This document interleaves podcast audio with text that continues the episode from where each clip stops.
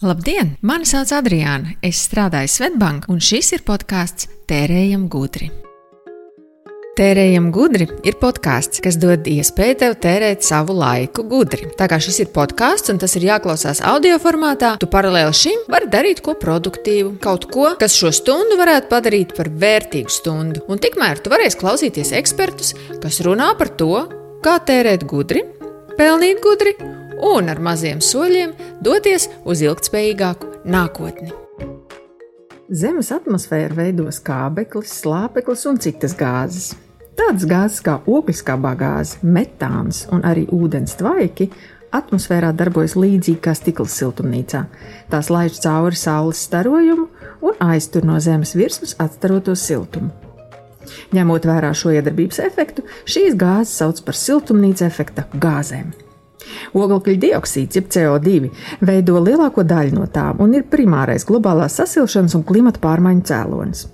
Tāpēc globāli valda vienprātība, ka oglekļa izmeši ir jāsamazina pēc iespējas ātrāk un krasāk. Ar mani piekrita parunāties divi zinoši kungi, kas man gan atgādinās sestās klases dabas mācības saturu, bet arī izskaidros drusku gudrākas lietas, lai mēs saprastu, kas ar oglekli notiek dabā un kāpēc CO2 no nozīmīga spēlētāja dabas procesos kļūst par arvien nozīmīgāku arī ekonomiskajos un sadzīves lēmumos. Es saku labdien Jānim Brisgam, geogrāfijas doktoram, biedrības Zaļā brīvība valdes priekšsēdētājam un arī emisiju mērīšanas rīka NotHot līdzautoram. Sveiks, Jānim! Sveiki! Un arī Kristapam Kovaļevskim, kurš ir fizikas maģistrs un KPMG Baltikas vecākais konsultants. Labdien! Lūk, mūsu saruna šodien ir tāda bioloģiski, fiziski, geogrāfiska, tādēļ um, izglītībai ir nozīme. Ķersimies uzreiz klāt. Tā tad um, oglekļa aprites cikls dabā. Uh, Jāni, atgādini mums, lūdzu, kas tas ir par bioķīmisko procesu, ko mēs skolā mācījāmies. Nu, var sakot, kā tas īsti notiek? Jā, nu, klimats ir ļoti sarežģīta sistēma un uh, lielā mērā atkarīgs no tiem enerģijas plūsmām, kas uz Zemes notiek. Un, uh, Saules, saules radiācijas ietekmē uz Zemi nonāk liela daļa enerģijas, un tad, kā jau tu minēji, daļa no viņas nu, atstarojas, bet liela daļa, pateicoties šīm siltumnīcas efekta gāzēm, paliek uz, paliek uz, nu, paliek atpakaļ, paliek uz Zemes. Jā. Un, uh, ogleklis ir, ir nu, būtisks elements visā šajā procesā, jo um, CO2 ir viena no tādām um, nu, populārākajām, biežāk sastopamajām um, klimata šīm siltumnīcas efekta gāzēm, kas atmosfērā ir. Un, uh, līdzīgi kā, kā, kā vairākas citas vielas, kā slāpeklis, kā fosfors un citas vielas, arī ūdens, uh, viņam notiek pastāvīga aprite dabā. Uh, ogleklis neatrodas tikai, tikai atmosfērā, tikai gaisā.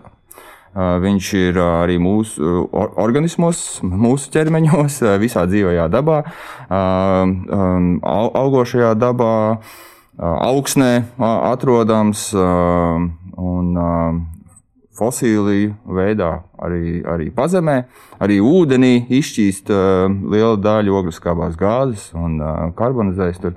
Tā kā um, notiek tāds uh, patstāvīga šī oglekļa cirkulācija dabā. Un, uh, Kā tas ogleklis no tā gaisa nokļūst tajos augos un augsnē un ūdenī? Kas tas ir pa procesu? Nu, es velku uz to fotosintēzi, lai tu mums atgādini. Jā, nu tas ir fotosintēzes uh, process, kur, uh, kur augi, augi piesaista šo, šo, šo, šo oglekli no atmosfēras un uh, Un tālāk, jau degradējoties, tad viņi atkal noglabā viņu vai nu, vai nu savos, savos ķermeņos, eh, un, un pēc tam arī, arī augsnē un arī šajās fosilijās.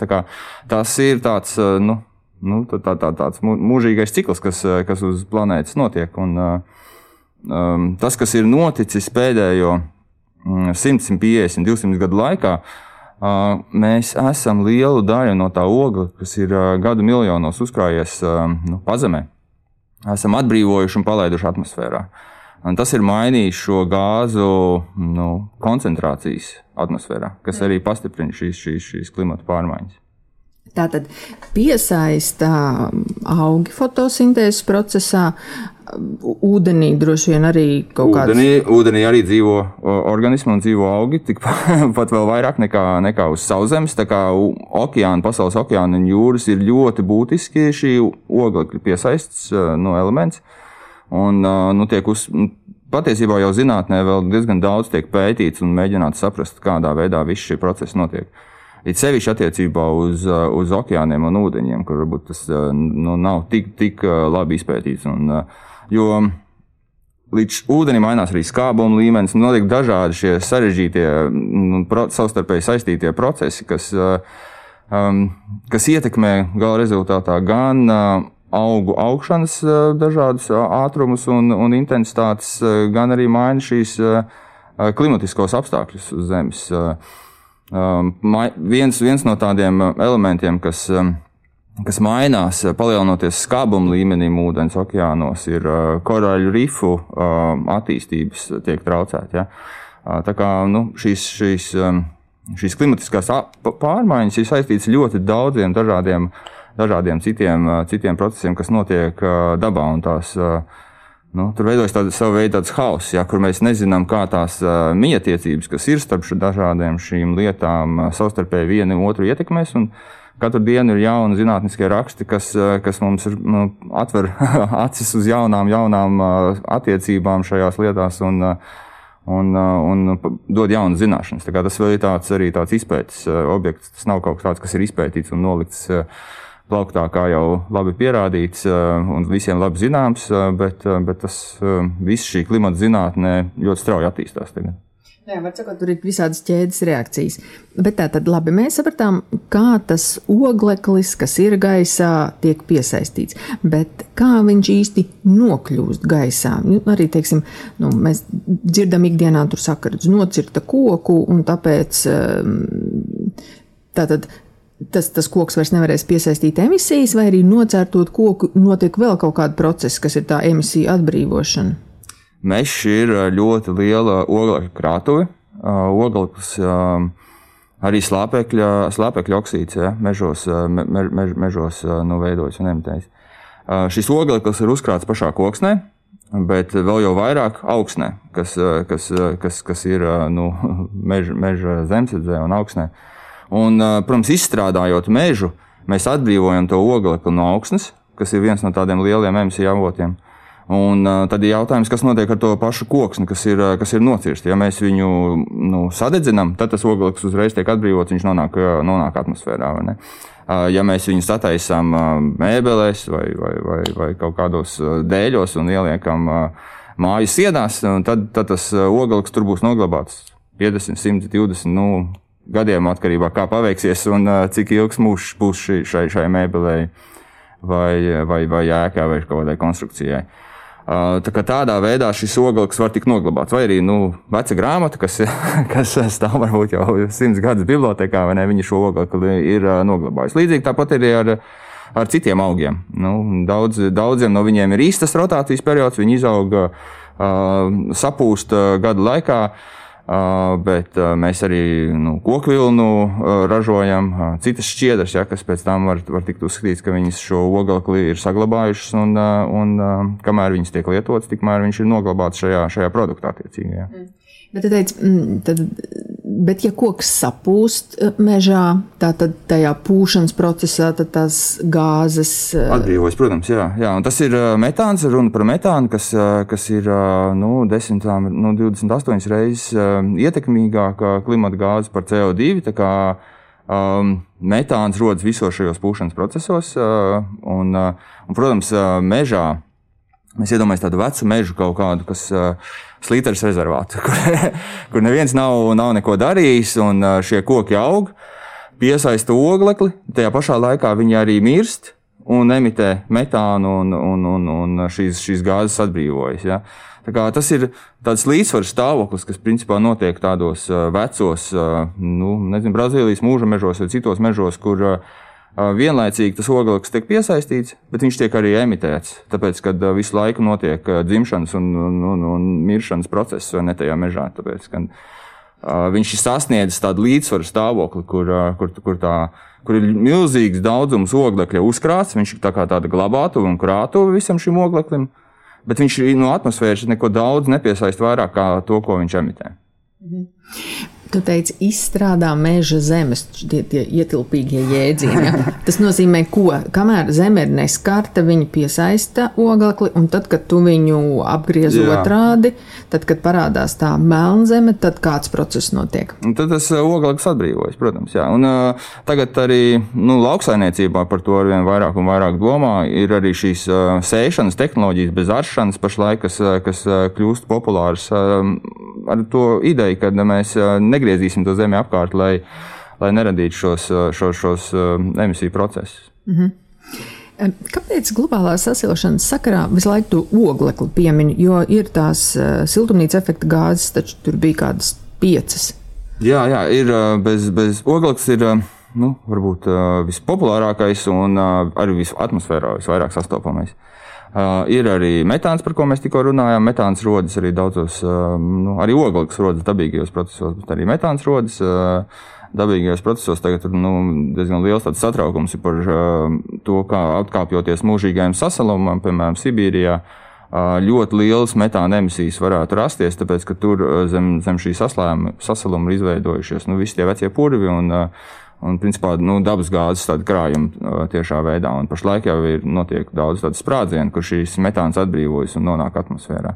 Uh, slāpekļa oksīds ir, ir vēl ietekmīgāka klimata gāze, kas arī rodas gan dabīgos procesos, gan sadedzināšanas procesos, līdzīgi kā CO2. Uh, tad ir freoni, dažādas šīs cilvēku radītās gāzes, kas tiek izmantotas dzēsēšanas un tādās sistēmās. Uh, un tās ir tūkstošiem reizes ietekmīgākas. Taču tās koncentrācijas, nu, cik daudz mēs viņus, no, nu, viņus nonāk atmosfērā, ir salīdzinoši nelielas. Tāpēc um, zinātnē ir pieņemts visas šīs gāzes izteikt tādos CO2 ekvivalentos un uh, pārvērst, uh, nu, ja mums ir uh, viens grams uh, metāna, tad mēs viņu pārreikinām, ka tas ir uh, 28 gramu CO2 Tādā, lai, lai, mēs, eh, lai mums būtu viena mērvienība, pēc kuras mēs varam rēķināt, un tad, ja jūs redzat, ka tur ir CO2 un pie divnieciņa E vai, vai EQ pierakstīts, jā, tad var saprast, ka tas ir dažādas gāzes, kas ir pārreikinātas šajos eh, CO2 ekvivalentos. Mhm. Labi, tad tik daudz par dabiskajiem procesiem. Tagad ar cilvēku darbību. Tātad eh, nu, galvenais CO2 emisiju avots ir šo fosilo nogulšņu pārstrādāšanu enerģijā?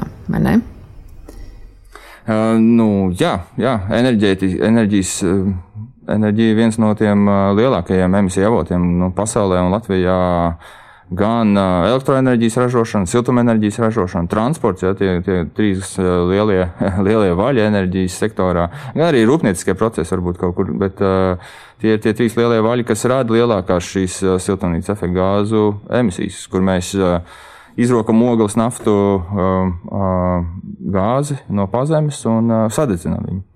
Tieši tas sadedzināšanas process ir tas, kas ir tas emisiju atbrīvotais ķīmiskais process. Šos ogļūdeņražus pārvērš gāzē, jā, un tad, tad viņi arī atbrīvojas. Jā. Mm -hmm. Labi. Dabiskā piesaiste tātad caur šiem fotosintēzes procesiem, bet e, mēs dzirdam arī, ka runā par mākslīgo CO2 piesaisti. Kas tas ir, kā tas notiek? Ir dažādi šīs oglekļa savākšanas un apglabāšanas tehnoloģijas, par ko, par ko runā angliskais carbon capture and storage, tad, tad tas, tas apzīmējums. Un, šeit mēs varam, nu, tie pārsvarā tie ir tādi eksperimentāli projekti, kas ir salīdzinoši dārgi. Nu, mums arī pirms nu, jau nezinu, kādiem desmit gadiem Lietpājā gribēja būvēt ogļu rūp, sadedzināšanas rūpnīcu, enerģijas rūpnīcu, kur bija doma piesaistīt no Eiropas naudu, lai uzliktu šo oglekļa savākšanas sistēmu. Bet eh, tāda veida projekti var eh, pastāvēt tikai ar, ar šādu veidu kaut kādām Eiropas atbalstu fondiem. Tas komerciāli, nu, es ne, nezinu, varbūt kaut kur ir arī, bet uh, komerciāli darboties pašspējīgi viņi, viņi pašlaik nav. Ar domu, ka uh, no skursteņa šīs izplūdes gāzes tiks savāktas, uh, saspiestas un tad kaut kur noglabātas. Um, viens, ko, piemēram, Norvēģija jau dara, izsenis. Uh, pumpē šo ogļu skābo gāzi, piemēram, naftas atradnēs iekšā. Jā. ar domu, lai palielinātu spiedienu un varētu izpumpēt vairāk naftas ārā no, no, no turienes. Viņiem nekad nav, nu, nav bijusi tā doma, ka tas ir tāds klimata pasākums, tas ir vairāk pretējs klimata pasākumam, lai iegūtu vairāk naftas. Uh, Bet, uh, principā, līdzīgi vai Inčkalna uh, gāzes glabātuvē varētu izmantot, lai tur sapumpētu iekšā šogļu skabo gāzi. Un, tur ir liela krātuve, un, un to, to varētu tādā veidā izmantot. Nav skaidrs, cik ilgi tas glabāsies, vai tur ir noplūdes, vai nav. Sevišķi okeāna šajos naftas atradnēs. Nu, tā, tā ir viena no tehnoloģijām, kas varbūt ir vis tālāk attīstīta, jo viņi jau tiek praktizēta. Nu, tādā, tādā naftas ieguvē nu, vairākas dekādas jau. Tā kā, tas tā ir viena no tehnoloģijām, bet man liekas, ka viņa ir dārga. Un, nu, jā, es neesmu tāds tehno-optimists, lai, lai, lai, lai nu, cerētu uz to, ka mēs tiešām atradīsim kaut kādus šādus uh, super risinājumus, izšausim kaut kur viņa kosmosā visu to oglekli un varēsim dzīvot mūžīgi laimīgi šeit. No vienas puses, ar tehnoloģijām nu, ir tā, ka teiksim, sākotnēji viņas tur ir inovatīvas un dārgas, un tad ar vien nu, mazas inovācijas, un tādējādi tās tehnoloģijas kļūst ar vien pieejamākas. Tas, kas savulaik notika ar saules paneļiem, tā patiesība, kas bija desmit gadus atpakaļ, vairāk nav tā, kas ir šodien. Un tad varbūt šī joma ievērojami attīstīsies. Bet tad, tad no gaisa izņem ārā to CO2, un tad viņu atkal var kaut kādā mm, cietvielā pārtaisīt, ja viņš eksistēs kā gāze. Jeb... Nu, fiziķi var pakavēties, tas spiežot, viņš paliek par šķidrumu. Un... Un, un, nu, tas ir. Jā, nu var arī, bet tas prasa lielu enerģiju, lai es saspiestu. Nu, respektīvi, tur mums ir atkal vajadzīga enerģija, lai, lai to visu darītu. Un, tā tas nav tāds, nu, mums enerģija nerodas nu, ne, ne no kā. Ne tā. Mums viņa tomēr ir, ja tā ir tā pati ogļu rūpnīca, kas viņu spiež, tad viņai vajag vairāk enerģijas, lai viņi vispār to visu varētu izdarīt. Respektīvi, vēl vairāk ogles jāsadedzina, lai, lai, lai varētu to nodrošināt. Un tad tā, tā, tā gala tas produkts sanāk salīdzinoši dārgs, tāpēc ka mēs iztērējam divreiz vairāk tās ogles, eh, lai saražotu to siltumu un to enerģiju, ko mēs pārdodam tirgu. Blakus uzņēmums varbūt eh, ražo ar saules paneļiem vai ar vēja paneļiem, eh, vēja rotoriem ja, šo enerģiju, un, un tādā veidā viņš izkonkurē to, tādu, tādu veidu šo oglekļu savākšanas sistēmu. Mm. Un tātad, ja mēs teiksim, zaļā kursa sakarā vai vidas pārmaiņu sakarā mēs runājam par oglekļa neutralitāti, tad tas nozīmē, ka tik cik ogleklis tiek emitēts, tik viņš arī tiek piesaistīts dabīgos vai mākslīgos procesos.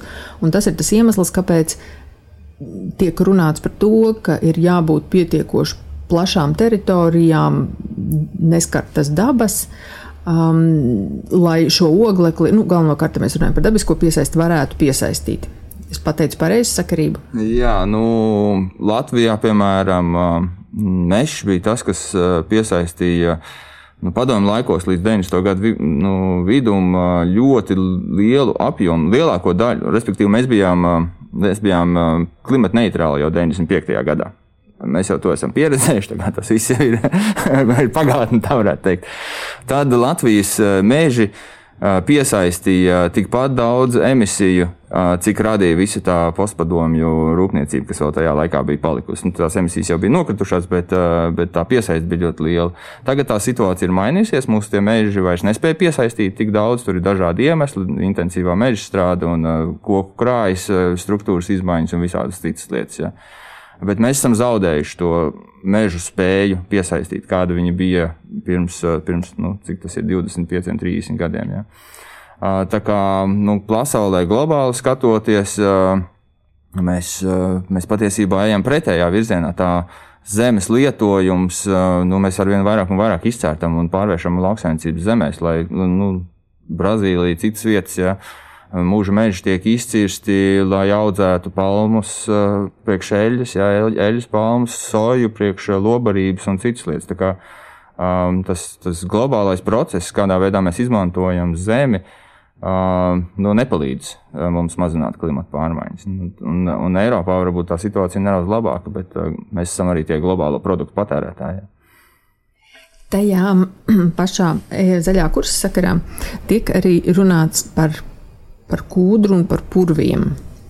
Kādas sakarības tur strādā? Tad purvs, kamēr viņš ir neskarts, mūsu iepriekšējo teoriju saskaņā viņš piesaista CO2, un tad, kad mēs to purvu sākam izstrādāt, tad, kad mēs atveram viņu vaļā, kad tur ņemam ārā to kūdru, tas ir tas brīdis, kad gaisā atkal aiziet CO2, un tas ir kāpēc par to kūdras nozari runā kā par tādu nu, vienu no emitējošākām. Jā, jā, protams, purvs aug visu laiku. Uh, nu, ir pat uzskatīts, ka purvs aug straujāk nekā, nekā mežs. Ja? Mēs viņu neredzam tā kā kokus, kas izaug uz augšu, ja? bet, bet tie, tie milimetri kāp visu laiku. Un, un, protams, tajā, tajā, tajā masā tiek piesaistīts šis ogleklis. Taču purvā notiek arī šie pūšanas procesi, kas rada šīs metāna emisijas. Un, un nosusinot šos purvājus, ja, viņus izstrādājot, protams, protams mēs atbrīvojam, atbrīvojam šo ogliskābo gāzi. Un Latvijā lielākā daļa pūru, kas tiek izstrādāta, tiek izmantot lauksainiecībā. Jā, viņi netiek sadedzināti, nu, tā kā varbūt kaut kur citur sadedzināt. Protams, mēs uzreiz reiz atbrīvojam. Šeit, šeit varbūt tā, tā pūru izmantošana Latvijas gadījumā ir, ir nu, ilgspējīgāki, ja tā var teikt, nekā, nekā ja mēs viņus noraktu, lai dedzinātu, ja, piemēram, kā tas ir bijis arī nu, padomu laikā, arī Latvijā tā darīja. Bet tā, tāpēc nu, mums jāstāsta, mēs, to, mēs tos kūdru izmantojam lauksaimniecības procesos, aizstājot varbūt kaut kādus citus, citus mēslojumus un citas lietas, kas, kas varbūt radītu vēl lielākas emisijas. Ja. Bet tā, tad... Tāds salīdzinājums nedaudz vajadzīgs ar to, ar tām alternatīvām, kas tur um, savā starpā konkurē. Jā, viņš ir šajos vidas jautājumos, viss ir tāds relatīvi atkarībā no tā, ko salīdzina. Ja. Bet tātad, ja mēs kūdru izmantojam zemes bagātināšanai, nu, tas, bet jebkurā gadījumā tas nav tāds neitrāls process. Tur ir kaut kādas emisijas, bet katrā ziņā mazāk, ja mēs kūdru izmantot kā kurināmo. Jā, nu, tāds varētu būt tas vienkāršotais secinājums. Bet, protams, izstrādājot nosacinošos pūrus, mēs, mēs zaudējam šo šo uzkrāto oglekli, kas tur ir un šo oglekļu krāju mainās. Mhm. Bet mm, no, tīri no vidas un no, no, no biologa skatu punkta, kurbi, kurbi būtu kaut kas tāds, kas būtu jāatstāj neskarts? Jā, nu, pūlis ir viena no tādām, nu, varētu teikt, Latvijas bagātībām. Ne, ne tādā ziņā, ka mēs viņus varam norakt un pārdot, bet no tādām dabas bagātībām. Un, uh, un arī no bioloģiskās daudzveidības viedokļa. Pūlis arī nu, ne tikai piedalās šajā oglekļa ciklā, bet arī ūdens aprits ciklā. Ir nu, uzkrāja ūdeni, viņš ir tāds mitruma stabilizētājs arī plašākās teritorijās. Tā kā nu, šī ekoloģiskā vērtība purvam ir ļoti liela, tas tie ekoloģiskie nu, pakalpojumi, ko viņš sniedz sabiedrībai, mums kā tādiem, ir es domāju, daudz, daudz lielāka nekā tā, tā pat ir kūdras vērtība, ko mēs, ko mēs iegūstam viņu pārdodot. Bet, nu, tas ir jautājums, kādā veidā mēs tad, vai nu, ekonomikā šī, šī, šī plašākā ekoloģiskā vērtība parasti netiek īsti atspoguļot, ja, un tad mēs viņu tā neredzam. Mm. Pēdējais jautājums, tad es beigšu tev pratināt un pievērsīšos Kristupam. Um, tu teici, laika gaitā ir mainījies mežu sastāvs. Uh, Tas nozīmē, ka kokam arī ir sava kapacitāte, kā viņš piesaista CO2. Kamēr viņš ir maziņš, mazāk, tad vairāk, vairāk, un tad uz vecumu atkal mazāk, vai kāda tur tā dinamika ir? Protams, augot. Augšanas procesā nu, tas ir tas, kā mēs augam. Mēs piesaistām šo oglekli, un tas, tas, tas, tas, tas ļauj augt šiem kokiem, augiem un tā tālāk. Tāpat fotosintēzē. Un, ja tas ir liels, vecs ozols, piemēram, viņš jau ir uzkrājis tonnas, vairākas tonnas, varbūt šī oglekļa ja, sev, sevi. Tā ir, viņš glabā visu to oglekli, tur viņš nav, viņš nav viņu palaidis atmosfērā vai vēl kaut kur. Um, ja mums ir mazi kociņi, viņi ir uzkrājuši ļoti nelielu daļu. Ja mums ir jau mums ir hektārs apstādīts ar, ar, ar eglītēm, ja, un tur ir varbūt pāris kilogrami oglekļa, kas tur ir, kas tur ir uzkrāti tajā teritorijā. Nu, neskatoties uz augstu, bet tikai uz to, uz to kas ir virs zemes, ja, redzamo daļu ja, meža. Kā, bet augšanas procesā, protams, viņi piesaista vairāk nekā tas, nekā tas ozols, kas varbūt viņš vairs būtu vairs neaug, viņš jau lēnām trūd un viņam tur kāds zars no, no, nolūst vai nopūst un tā tālāk, un lēnām viņš sāk sadalīties. Ja. Te ir divas lietas. Viens ir tas piesaistes intensitāte, ar kādu mēs piesaistām no atmosfēras šo oglekli, un otrs ir tā krāja, cik daudz oglekļa ir uzkrāts tajā teritorijā. Jebkurā gadījumā mežs tiek parasti stādīts mūsdienās tāds nu, intensīvi izmantotais mežs, lai nocirstu viņu. Kā Um, tas, tas aprits process, nu, ir 40 gadi, 50 gadi. Pašlaik jau runā par to, ka vajag saīsināt vēl ātrāk cirst, tāpēc, ka principā dēlīšus jau var saražot. Nu, Uh, salīmēt mūsdienās no maziem dēlīšiem galdus un mēbeles un uh, mājas, ne? Tāpēc nevajag resnu koku, lai, lai, kaut kādu, nu, lai kaut ko iegūtu. Un, un, un industrija saka, ka mēs varam jau 20 gados. Un, protams, tur nekas daudz nu, tā ļoti vienkāršojot, nebūs uzkrājies. Ja? Tajā, tajā, ne tajā mežā, ne tajā, ne tajā, ogl, ne tajā koksnē. Tāpēc, kad vienkārši tā masa būs, būs, būs daudz mazāka. Un tīri no tāda biologa perspektīvas skatoties, kāds būtu tas optimālais koka mūžs, pirms viņš tiktu nocirsts. Nu, biologiem jau, jau vecāks koks jau labāk, tāpēc, ka tieši tajā vecajā kokā, kas ir nogāzies ar zem tā ozola mīzes dzīvo, tas izgrauzis. Un, un, un viņš nevarēs dzīvot, ja tur simts metru attālumā nebūs vēl viens tāds pats vecs koks, uz kuru viņš var aizlidot, tā kā viņam izšķiļās bērni nu, biologi, no bioloģijas, no dabas daudzveidības, un tie vecie meži ir tā vērtība. Gan tāpēc, ka tur ir šī daudzveidība, dzīvotņu daudzveidība un, un, un līdz ar to arī sugu daudzveidība, kas tur, var, kas tur var pastāvēt. Ja tās ir tādas monokultūras, kur viena veida koki rindās sastādīti, tur, protams, tā dabas vērtība ir daudz, daudz niecīgāka nekā, nekā tādā, tādā mežā, kur ir gan sugu daudzveidība, gan, gan, gan arī vecuma daudzveidība tiem, tiem, tiem augiem. Nu, no, dabas, no dabas skatoties, protams, ir jo vecāks, jo labāks. Un, Un tajā vecajā mežā būs, būs tas līdzsvars stāvoklis, ja, kur, kur, kur viņš būs uzkājis ļoti lielu apjomu oglekļa, ja, bet, bet nu, viņš nebūs tas, kas piesaista no atmosfēras šo oglekli. Vēl viena jautājuma par, to daudzveidību. nu, tā tad nu, šis te izgrauzis, teiksim, nu, jā, daudzveidības nozīme. Kāda ir daudzveidības nozīme? Nu, es pieņemu, ja teiksim, viens izgrauzis nu, izmirtu, nu, Jā. nu, būtu ļoti žēl. Um, bet nu, droši vien dzīve turpinātos bez tām izgrauža. Cik daudz dažādām sugām ir jānomirst, lai tā dzīve vairāk nevarētu turpināties? Mm. Gan jau dzīve, dzīve turpināsies kaut kādā formā. Nu, te mums ir tāda, mēs varam tā antropocentriski skatīties no tādu mūsu cilvēku pašu vajadzībām un vērtībām, jā, un tad, tad parasti runā par to, ka nu, dažādas šīs sugas mēs varam, mēs pat nezinām, kādos veidos mēs viņus varēsim izmantot. Varbūt kaut kur kosmētikā varēs izmantot to izgraužu kaut kādu kaut kādu pigmentu vai vēl kaut ko tādu, vai, vai medicīnā, ko mēs varēsim Covid ārstēt ar, ar kaut, kādu, kaut kādu elementu, kas, kas šajā augā vai, vai, vai dzīvniekā ir. Jā. Tā būtu tāda, nu, tāda, tāda egoistiskais skats uz dabu, jā, bet uh, mēs jau varam skatīties uz dabu arī kā pašvērtību pašu par sevi. Jā. Nu, mums nevajag nogalināt obligāti, iznīcināt kaut kādas sugas. Uh, un pašlaik tiek runāts par to, ka tas ir nu, viens no tādiem uh, lielākajiem dabas izmiršanas procesiem, kas pašlaik, uh, kas pašlaik notiek. Un, protams, sugas ir ļoti cieši savstarpēji saistītas. Jā. Um, kādā veidā kukaiņu, piemēram, populācijas Eiropā ir vairāk pētījumu, kas rāda, ka pēdējos gados ļoti intensīvi pazūd kukaiņu populācijas, kas var likties forši. Nu, vasarā nekodīs odu vairāk tik daudz, vai ne?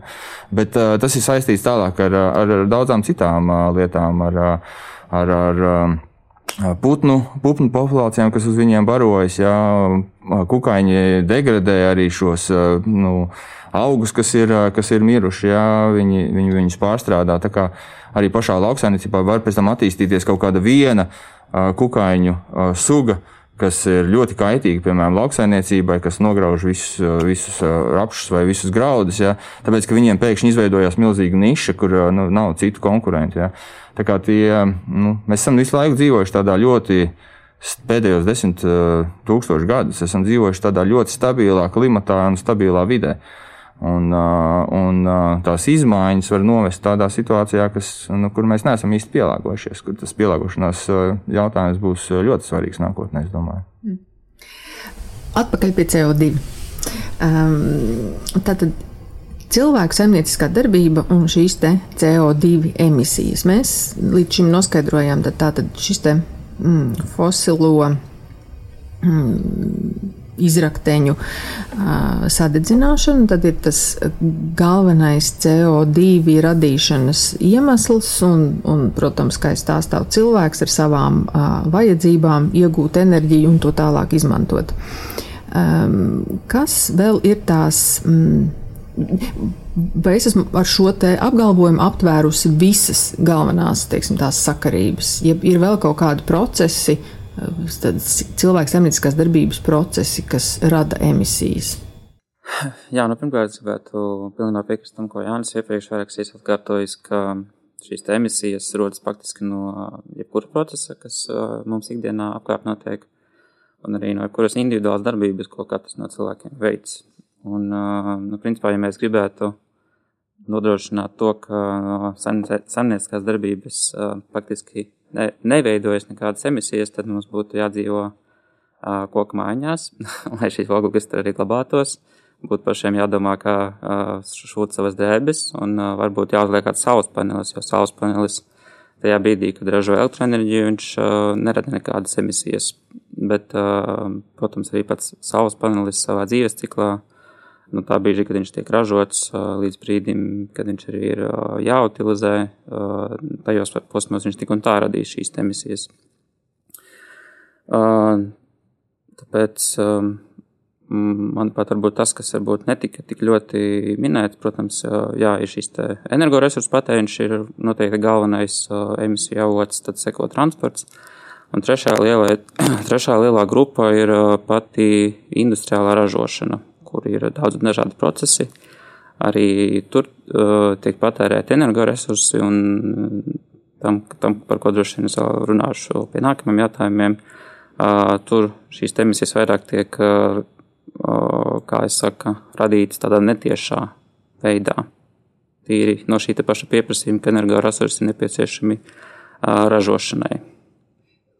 Varbūt mēģināsim šo saprast uz piemēra bāzes. Varbūt tā mums būs vienkāršāk. Iedomājamies eh, tipogrāfiju. Ja, tad, nu, ko dara tipogrāfija? Tipogrāfija pērk papīru, pērk tinti, drukā grāmatas un atdod tātad izdevniecībai, kas tālāk grāmatas pārdod. Kurā posmā šādai tipogrāfijai rastos kādas emisijas un kas tie ir pa saimnieciskiem procesiem, kas tos rada? Jā, nu, jūs jau diezgan precīzi noraksturojat šo aptuveno, saka, dzīves ciklu arī tipogrāfijas produktiem. Um, tipogrāfija pati par sevi noteikti nav viena no uh, emisijas visvairāk radošajām nozarēm. Uh, līdz ar to uh, šeit tādu lielāko emisiju daļu noteikti rada pats uh, pašas transporta izmaksas. Uh, tas ir gan transports, kas uh, attiecīgi veids uh, koksnes resursu iegūšanu, tālāk, lai to transportētu. Uh, pēc tam arī nogādātu uz jau šo drukātu materiālu sagatavošanu un, un, un tā tālāk. Vēl ļoti būtiska pozīcija noteikti ir elektroenerģijas patēriņš, lai darbinātu šīs iekārtas, un arī birojas, protams, uzturētu administratīvo struktūru. Un tieši par elektroenerģiju runājot, arī ļoti svarīgi ir apzināties to, ka nu, arī katrā valstī teiksim, tā struktūra, no kādiem resursiem tiek ražota elektroenerģija, atšķirās. Un, um, līdz ar to arī atšķirībā atkarībā no tā, kāda ir teiksim, katras valsts energopolitika, var atšķirties arī tas, kā, cik liels emisijas teiksim, rada arī šīs tipogrāfijas produkts. Tātad, ja eh, no, no saules, no vēja, no ūdens vai jā. zemes siltuma tā jā. iegūtā enerģija būtu CO2 neitrāla, un tad, protams, fosilā enerģija ir tā, kas rada emisijas. Nu, droši vien ne, ne neitrāli, bet uh, tieši šie atjaunojami energoresursi nerada tieši CO2 emisijas elektroenerģijas ražošanas procesā, bet uh, fosilie uh, energoavoti to dara. Un tad, uh, tiksim, ja mēs skatāmies uz Latviju, tad Latvijā mm, ir salīdzinoši augsts šis atjaunojami energoresursu īpatsvars tieši elektroenerģijas ražošanā. Tie ir apmēram 40 līdz 50 procenti. Un, piemēram, tepat blakus Igaunijā tie ir pat virs 80%, kas joprojām tiek iegūtas no fosilajiem energoavotiem. Tad, tiksim, tādā ziņā, ja mēs salīdzinātu Latviju un Igauniju šādā, vismaz, teiksim, ja mēs tomēr būtu labāki. Tad, kad runā par uzņēmumu emisijām, operē ar jēdzieniem tiešās un netiešās emisijas. Kas tās īsti ir? Nu, teiksim, uz tos mūsu tipogrāfijas piemēra bāzes, kuras tad ir tās tiešās, kuras netiešās emisijas? Jā, nu, tiešās un netiešās, manuprāt, jau pasaka diezgan, saka, priekšā. Tiešās emisijas ir tās pašas viss nepieciešamākās vajadzības, kas, teiksim, ir vajadzīgi šajā ražošanas procesā. Tātad tā ir degviela, kas tiek sadedzināta, darbinot transporta līdzekļus. Um, savukārt elektroenerģija jau tiek pieskaitīta pie netiešajām emisijām. Kāpēc? Tas iemesls tāds, ka elektroenerģija parasti netiek ražota uz vietas, teiksim, nu, tā pašā tipogrāfijas darbnīcā. Uh, bet tā, tā tiek ražota kaut kur citur. Attiecīgi, tas ir uh, sava veida pieprasījums, ko uzņēmums, kā saimnieciskās darbības veicējs, rada pēc šīs elektroenerģijas.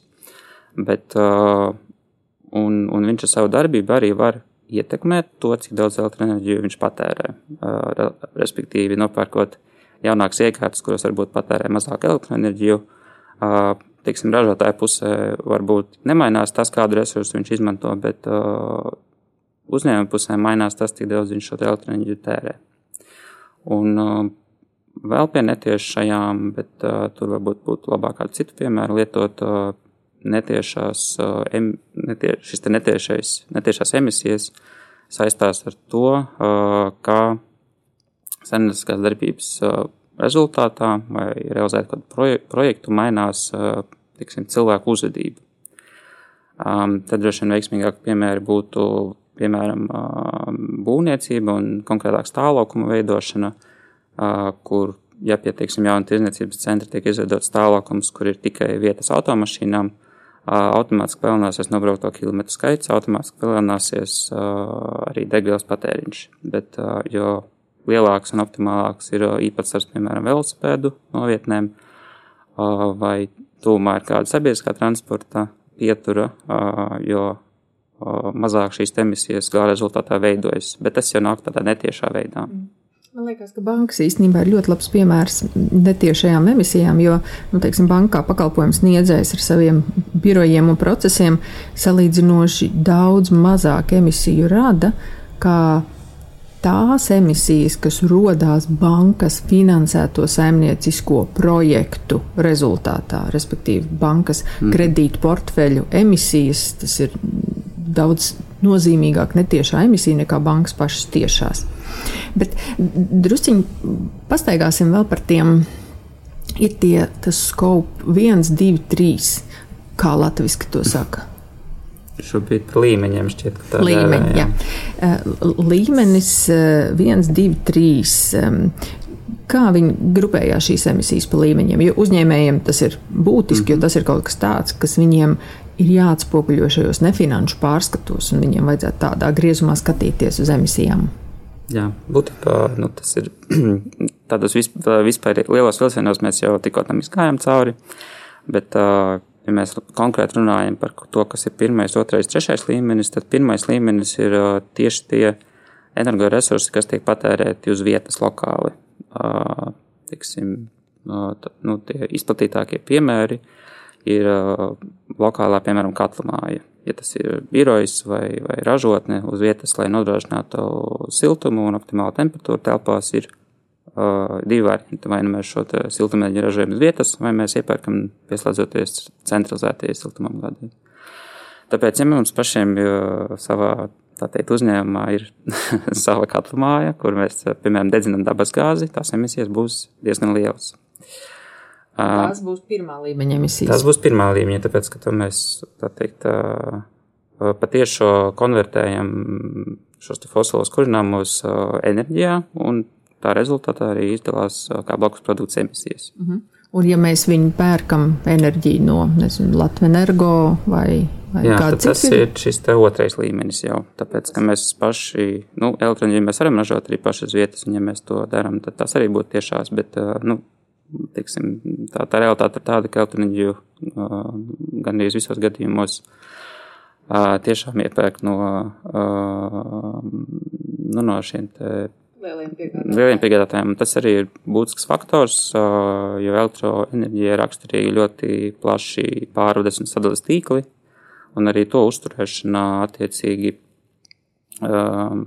tiek patērēta liela resursa, lai viņus uzturētu, un arī tur rodas emisijas. Un šeit uh, Tālāk, ja mēs gribam runāt par aprēķiniem, tad katrai valstī arī ir tāds standartizēts koeficients, jeb šī tīkla faktors, ar kura palīdzību ir iespējams pārvērst katru saņemto un patērēto kilovatstundu par emisijām.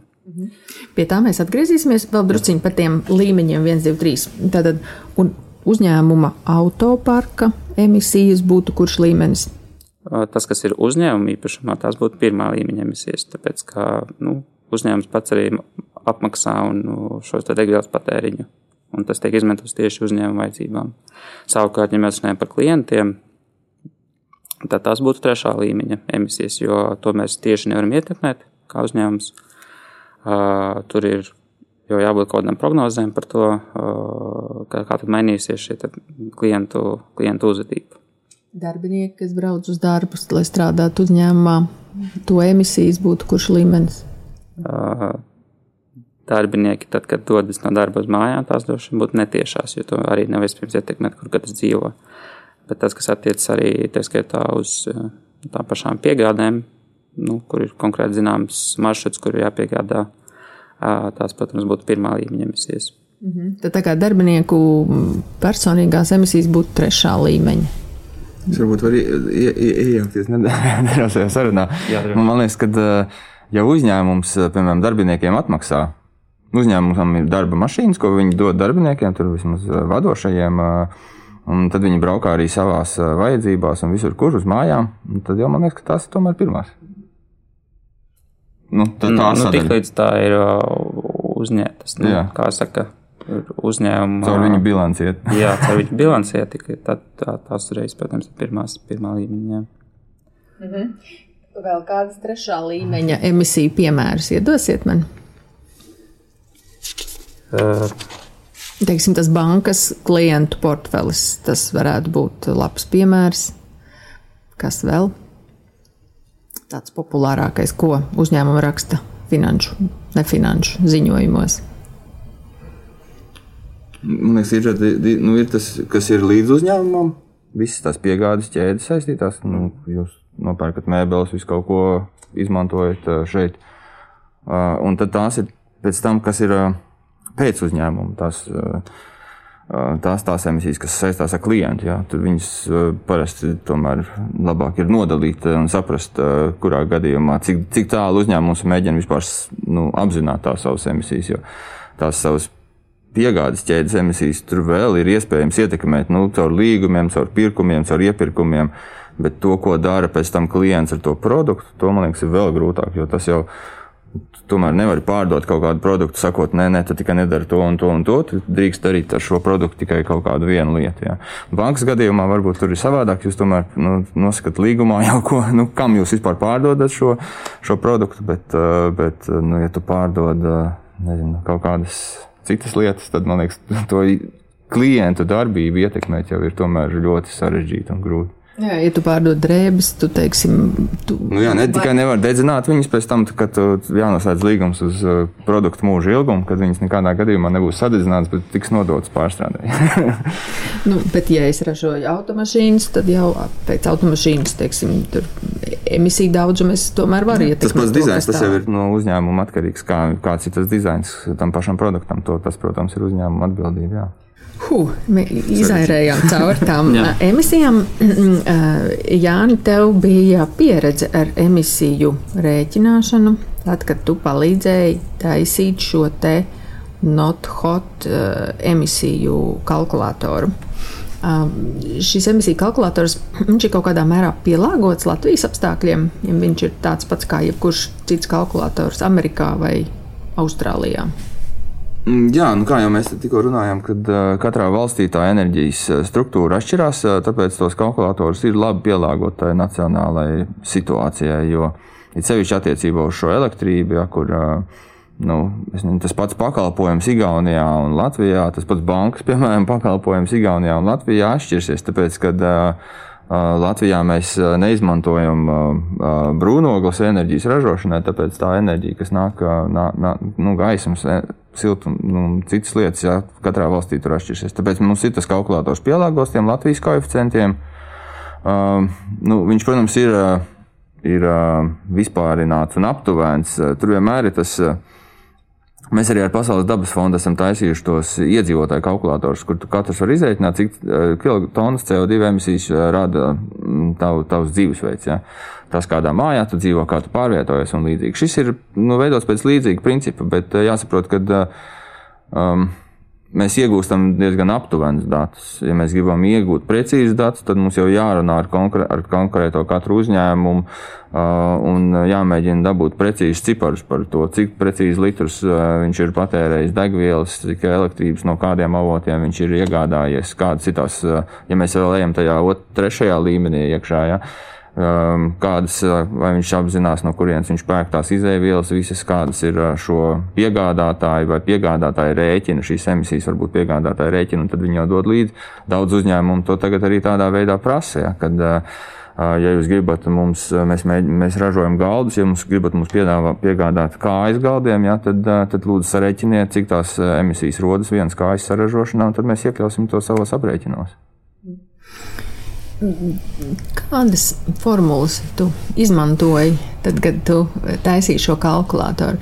Jo tad faktiski, nu kā mēs varam CO2 mērīt? Ja? Mēs varam izmantot kaut kādus pieņēmumus, ka, teiksim, tur kaut kādas noteiktas vienības saražošana izmanto noteiktu enerģiju, un tad sarēķināt, cik no tā iznāk tas CO2. Nu, droši vien mēs arī CO2 varētu fiziski mērīt Svetbank akceleratorā, kurš nu pat noslēdzās ilgspējas akceleratorā. Tur bija viena franču komanda, un tas, ko viņi darīja, viņi CO2 faktiski mērīja ar satelītiem.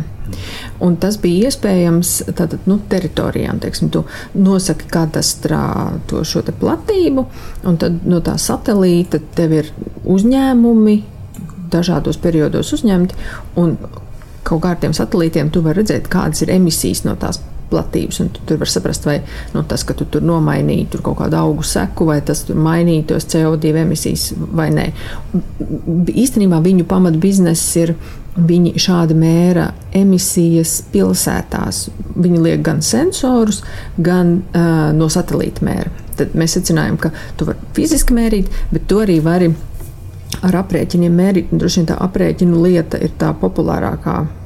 Jā, šajā gadījumā mēs, mēs balstāmies uz šiem koeficientiem, aprēķiniem. Mēs zinām, nu, fiziķi zina, sarēķinājuši, cik liels, cik liels nu, šis ogliskābās gāzes daudzums atmosfērā nonāk sadedzinot vienu litru dīzeļdegvielas. Protams, tie dīze, tās, tās, tās degvielas arī var atšķirties. Bet tās atšķirības vairs nebūs tik lielas. Nu, atkarībā no, no, tā, no tā produkta, vai, ne, vai mēs pērkam vienā benzīna tankā vai citā, var arī būt nelielas atšķirības. Ja? Bet viņas nebūs, nebūs, nebūs tik lielas. Uh, šeit vēl var izdalīt divu veidu tās emisijas, kas arī no tās pašas degvielas, piemēram, sadedzināšanas mašīnā. Viens ir tas, kas nāk pa izpūtēju ārā, tās ir tās tiešās emisijas no tās mašīnas, bet vēl ir visas tās piegādes ķēdes emisijas, kas ir radušās, lai to, lai to litru dīzeļu saražotu vai benzīnu. Ja.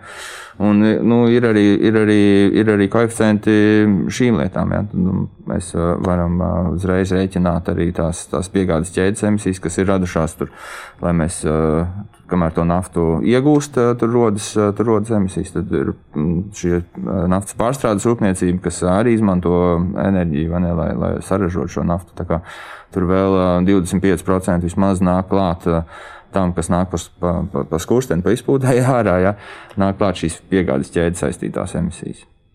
Vai visi kalkulatori pasaulē izmanto vienas un tās pašas formulas, vai tas viss ir noreducēts uz kaut kādiem aprēķiniem, kas ir tādu starptautisku organizāciju apstiprināti, ja tur ir dažādas pieejas? Mm, jā, nu mēs izmantojām šajā gadījumā tos pašus koeficientus, ko izmanto IPCC, kas ir šis starptautiskais klimata pārmaiņu panelis pie, pie apvienoto nāciju organizācijām. Uh, Um, tu pēdējā ziņojumā uh, izmantotos, bet viņi arī ik pa, ik pa, viņiem ir tie ziņojumi ik pa četriem vai pieciem gadiem iznāk, ja viņi tos koeficientus maina, tāpēc, kad, uh, tāpēc, kad uh, nu, nāk jaunas zināšanas, uh, un it sevišķi, piemēram, tur metānam vai slāpekļa oksīdam, tur pēdējos ziņojumā, salīdzinot ar iepriekšējo, tie koeficienti ir palielināti. Ja? Tā kā, tā kā nu, tās, tās lietas arī, arī, arī mainās. Nu, protams, vienmēr ir svarīgi tad, nu, atsaucēs parādīt, kas ir, kādu koeficientu izmantot, ja mēs gribam salīdzināt ar kaut kādiem citiem līdzīgiem uzņēmumiem vai ar gadu iepriekšējā, lai mēs zinātu, ka mēs salīdzinām vienu to pašu lietu. Mm. Labi, noslēgumā druskuļi atkāpsimies solīt atpakaļ, kāpēc mēs vispār par to CO2 runājām. Tātad par, par, par globālo sasilšanu, par lielo emisiju daudzumu, kas pēdējās desmitgadēs ir ievērojami kāpis sakarā ar šo straujo ekonomikas attīstību. Um, kā pasaulē iet ar šo emisiju samazināšanu? Sarēķinājuši mēs tā kā būtu, procesu sapratuši mēs tā kā būtu. Mēs esam sapratuši, ka jāatsakās no fosilās eh, degvielas galvenokārt, lai mēs um, mazinātu šīs emisijas. Um, kādas ir galvenās tendences? Pagājušais gads bija labs. Covid ietekmēja tās emisijas samazināšanas. Tas ir gadiem. Sliktāks nekā 2019. Nu, jā. Jau rādās. Jā. Nu, es esmu redzējis vairāk tādas modelēšanas, kaut kādus tos rezultātus, kas tieši to Covid ietekmi skatījušies ir, un prognozējuši nu, tās 4-5% samazinājums pagājušā gadā, bet um, ekonomisko recesiju laikā vienmēr ir tas kritums. Nu, tur, uh, gan 2008. un 2009. gadā, kad mums bija ekonomiskā krīze pasaulē, un arī Latvijā bija tas emisiju samazinājums. Tad arī 70. gada naftas krīzes laikā tur, un, un, un, un iepriekš vienmēr tas emisiju samazinājums ir bijis, bet mēs vienmēr esam mēģinājuši atgriezties uz tās iepriekšējās trajektorijas ar augošajām emisijām. Un tāpēc ļoti svarīgi ir, kāda, kāda izskatīsies šie atvesaļošanās plāni, kas, ko valsts izstrādā ne tikai Eiropā, bet visā pasaulē. Un vai tie plāni palīdzēs mums mainīt to trajektoriju, vai mēs mēģināsim tomēr iet vecajā, vecajā ierastajā virzienā uz šo emisiju pieaugumu. Un to mums rādīs nākotne. Bet, Uh, nu jā, nu pētījumi ir par to, kas, kas, kas, kas skatās, kādā veidā tiem plāniem vispār vajadzētu restruktūrizēt mūsu ekonomiku, lai, lai, lai mēs to trajektoriju varētu mainīt. Um, ja drīkst piebilst, um, es droši vien teiktu, ka nu, šobrīd tās tendences ir pozitīvas tādā ziņā, ka pēdējo desmitgažu laikā ir ļoti daudz jaunu risinājumu parādījušies, kas palīdz šīs emisijas samazināt. Bet pasaules mērogā noteikti tas būs milzīgs izaicinājums to burtiski panākt un ieviest, jo ir nu, tāda lielā megatendence, ja tā to var saukt, megatrends par iedzīvotāju skaita palielināšanos un samazināšanos, kur tas vairāk samazinās tieši Eiropā un Ziemeļamerikā un dažās Āzijas valstīs, bet uh, lielākā daļā Āfrikas un Āzijas valstu tomēr tas pieaug daudz straujākos tempos. Un tās valstis, tieši, kur iedzīvotāju skaits pieaug, viņas arī šobrīd ir vēl attīstības valstis, kas nozīmē, ka patēriņš viņās pieaug, un viņi arī vēlas dzīvot tajā pašā dzīves līmenī, kur šobrīd, piemēram, atrodas Eiropa. Tad, līdz ar to, tā, teiksim, ja Eiropa sasniedz savu mērķi kļūt klimata neitrāla, tad pasaules mērogā tas tomēr var nedot to efektu, kas būtu, kas būtu vēlams. Mm. Un tāpēc arī tās prognozes norāda, ka emisijas ir iespējams, pat emisiju daudzumu ir iespējams pal palēnināt šo pieaugumu, bet nepilnībā apturēt visticamāk. Nu jā, tātad um, iedzīvotāju labklājībai augot, parādās arvien vairāk naudas un arvien vairāk vēlēšanās tērēt un patērēt resursus, un ar to ir saistītas šīs emisijas. Bet es uzreiz gribētu vēl vienu piebildi. Um, lai mēs nepaliekam uz tādu secinājumu, ka mēs esam mazāk atbildīgi nekā pārējā pasaule, jo tas ir viens no tādiem biežiem stereotipiem, kur mēs sakam, nu, mums jau Latvijā emisija nav, tie viņi tur, tur Ķīnā, bet uh, mums ir jāsaprot, ka mēs esam patērētāji tam, kas tiek saražots Ķīnā. Tā ir labi, mūsu tautsēmniecība nav attīstīta, bet attīstītas ir citas pasaules daļas, eh, un kur mēs kā patērētāji tām saražotajām precēm esam tikpat atbildīgi par tām emisijām, kas tur rodās. Jā, tādēļ... Nu, protams, protams. Jā. Un tā oglekļa pēda, kas, kas mēra nu, tās patēriņa saistītās emisijas, kas ņem vērā visu to piegādes ķēdi, kur tās emisijas izkliedētas pa visu pasauli.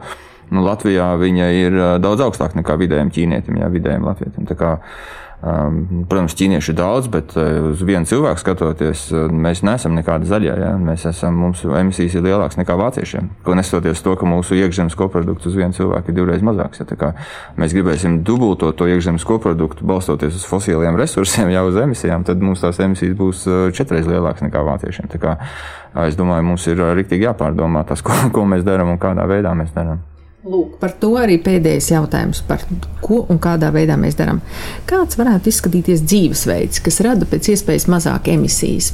Kas būtu tādi pamatpostulāti, kā man vajadzētu savu dzīvi veidot, ja es um, gribu atbalstīt šo emisiju mazināšanas ceļu? Mēs tieši šajā zaļajā brīvībā tagad uh, esam uzsākuši vienu pētniecības projektu, kas, um, kas, kas mēs pēc četriem gadiem varēsim atbildēt uz šo jautājumu ļoti precīzi par 1,5 grādu dzīvesveidu. Bet nu, ir tādas trīs galvenās stratēģijas. Ir uzlabot efektivitāti visādās lietās, ko mēs darām. Piemēram, nu, LED spuldzes parasto kvēls pūģu vietā, respektīvi mazāk saņemot to pašu um, produktu, to pašu rezultātu, ja mēs tērējam mazāk, mazāk enerģijas, mazāk resursu. Ja.